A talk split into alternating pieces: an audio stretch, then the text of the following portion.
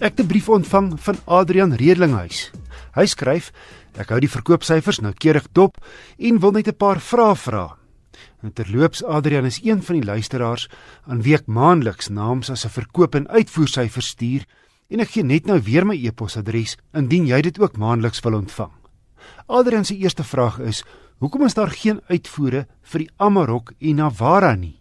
Die antwoord is eenvoudig dat die Amarok bakkies van Argentinië af ingevoer word. Volkswagen Suid-Afrika vervaardig net die Polo Vivo en die nuwe geslag Polo plaaslik, laasgenoemde ook vir die uitvoermark. Die Navara dubbelkajuit bakkie word tans vanaf Thailand ingevoer, maar Nissan Suid-Afrika gaan hom en waarskynlik ook die enkel en kajuit en 'n half weergawe ergens in die toekoms by Raslin Pretoria begin bou. Tans vervaardig Nissan die NP 203 kwarton en NP300 Hardbody 1 tonner plaaslik. En dan vra Adrian ook na watter lande word die Hilux en Rangers uitgevoer. Die Ford Ranger na Europa, die Midde-Ooste en Afrika, die Toyota Hilux na Europa en Afrika. Stuur motornavraag of indien jy die maandelikse verkoopsyfers wil ontvang na wissel@rsg.co.za.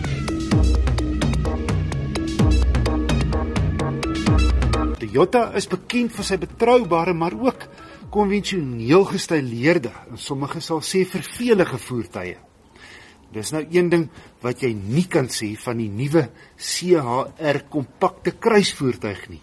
Hy vang die oog met sulke sweepende voorligte, bakpanele wat byna soos 'n diamant vele fasette het, uitstaan wielbo, 'n skuins agteruit en sulke uitstaan boemerang agterligte. In die handvatsels vir die agterste deure sit byna teen die dak. Ek het die duurste plus outomatiese model gery. Binne ook nogal flamboyant met goeie kwaliteit reg rondom.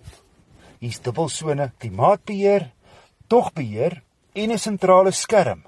Laasgenoemde gee egter nie vir jou 'n tribeeld nie wat sou gehelp het met die hengse dik seepilare. Dis nou die agterstes en die klein agtervenster. Boonop geen drie sensors nie. En hoewel die ruimte binne redelik is, veroorsaak die kopieagtige agterkant en 'n volgrootte spaarwiel dat die laairuimte baie klein is.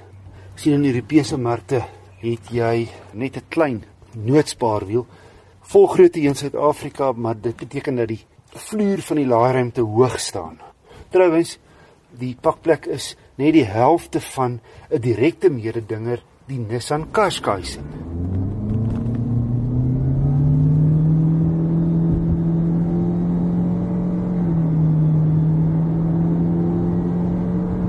Die 1.2 turbo petrol is 'n gesofistikeerde kragbron met 85 kW en 185 Nm wrinkrag vanaf net 1500 toere toetsmodel se CVT outomatiese ratkas redelik glad, maar ek sou die 6-spoed handrat kies saam met die waantjie se baie goeie hantering en ritgehalte.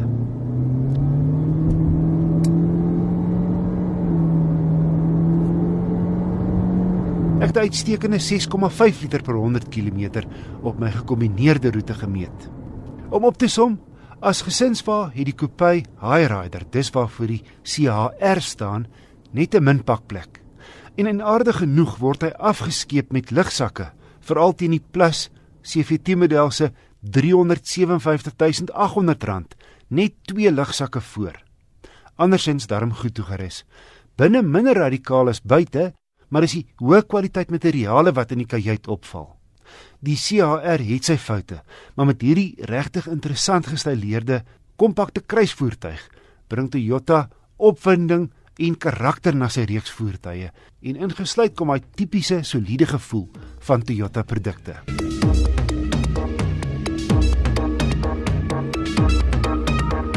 Ford bied talle van sy Ranger bakkies deesdae ook met die opsie van 'n outomatiese 6-spoed ratkas en jy kan nou uit kan jy glo 36 verskillende modelle kies.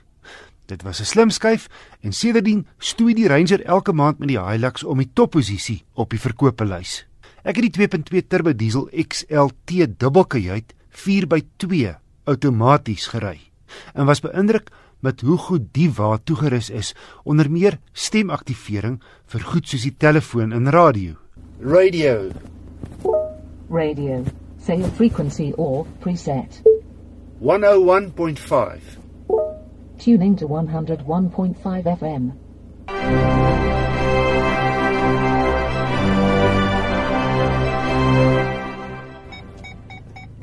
Saam met drie sensors ook 'n trikamera op die lekker groot skerm in die middel. En die Ford gee vir jou baie inligting. Byvoorbeeld as jou deur oop is, sê hy vir jou regs voor of links agter. Ek kan verstaan hoekom die Ranger bakkie so gewild is. Een rede veral nou na die opkikkering verlede jaar. Hy het 'n aantreklike, fris en fors voorkant. En hierdie XLT model gee vir jou ook 'n kroomrooster voor wat mooi pas by die voorkoms van 'n Lexer bakkie. Ook kroom op die syspieëls en so aan. Verder is hierdie 'n lekker ruim bakkie, gerieflike sitplekke, leer op hierdie XLT model. Hy ry gemaklik, nogal heel gerieflik vir 'n voertuig wat 'n swaar vrag kan dra. En dan is daar die nie onbelangrike kwessie van 'n baie groot reeks. Trouwens die grootste van enige voertuig in die land met 'n hele rits outomatiese modelle wat jy nie sommer in ander bakkies kry nie. In hierdie XLT was dan ook toegerus met Ford se 6-spoed outomatiese ratkas.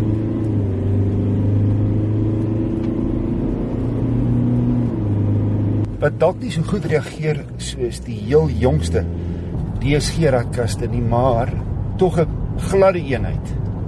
Hy het ook 'n sportmodus en as jy hom oorsit in die S vir sport, sak hy 'n rad laer om die toere hoër te hou.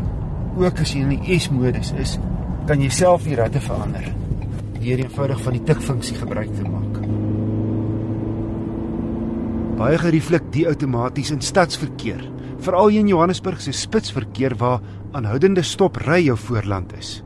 Die 2.2 turbo diesel lewer meestal voldoende krag, 118 kW en 385 Nm. Maar soos ek verlede week van die Everest met dieselfde masjien gesê het, bo 100 km/h gebeur dinge redelik rustig al trap jy die lepel heeltemal weg in die groot en relatiewe swaar bakkie. Dieselverbruik op my stad en ooppad siklus was 'n billike 8,7 liter per 100 km. Hierdie Ford Ranger XLT dubbelkajuit prys teen net onder 'n half miljoen rand wat hom baie goeie waarde vir geld maak. In ag geneem dat hy standaard met goed soos navigasie, 'n agterste ewenaar wat elektronies sluit en 'n ritsveiligheidskenmerke kom. Meer as wat jy tipies in die klas vind.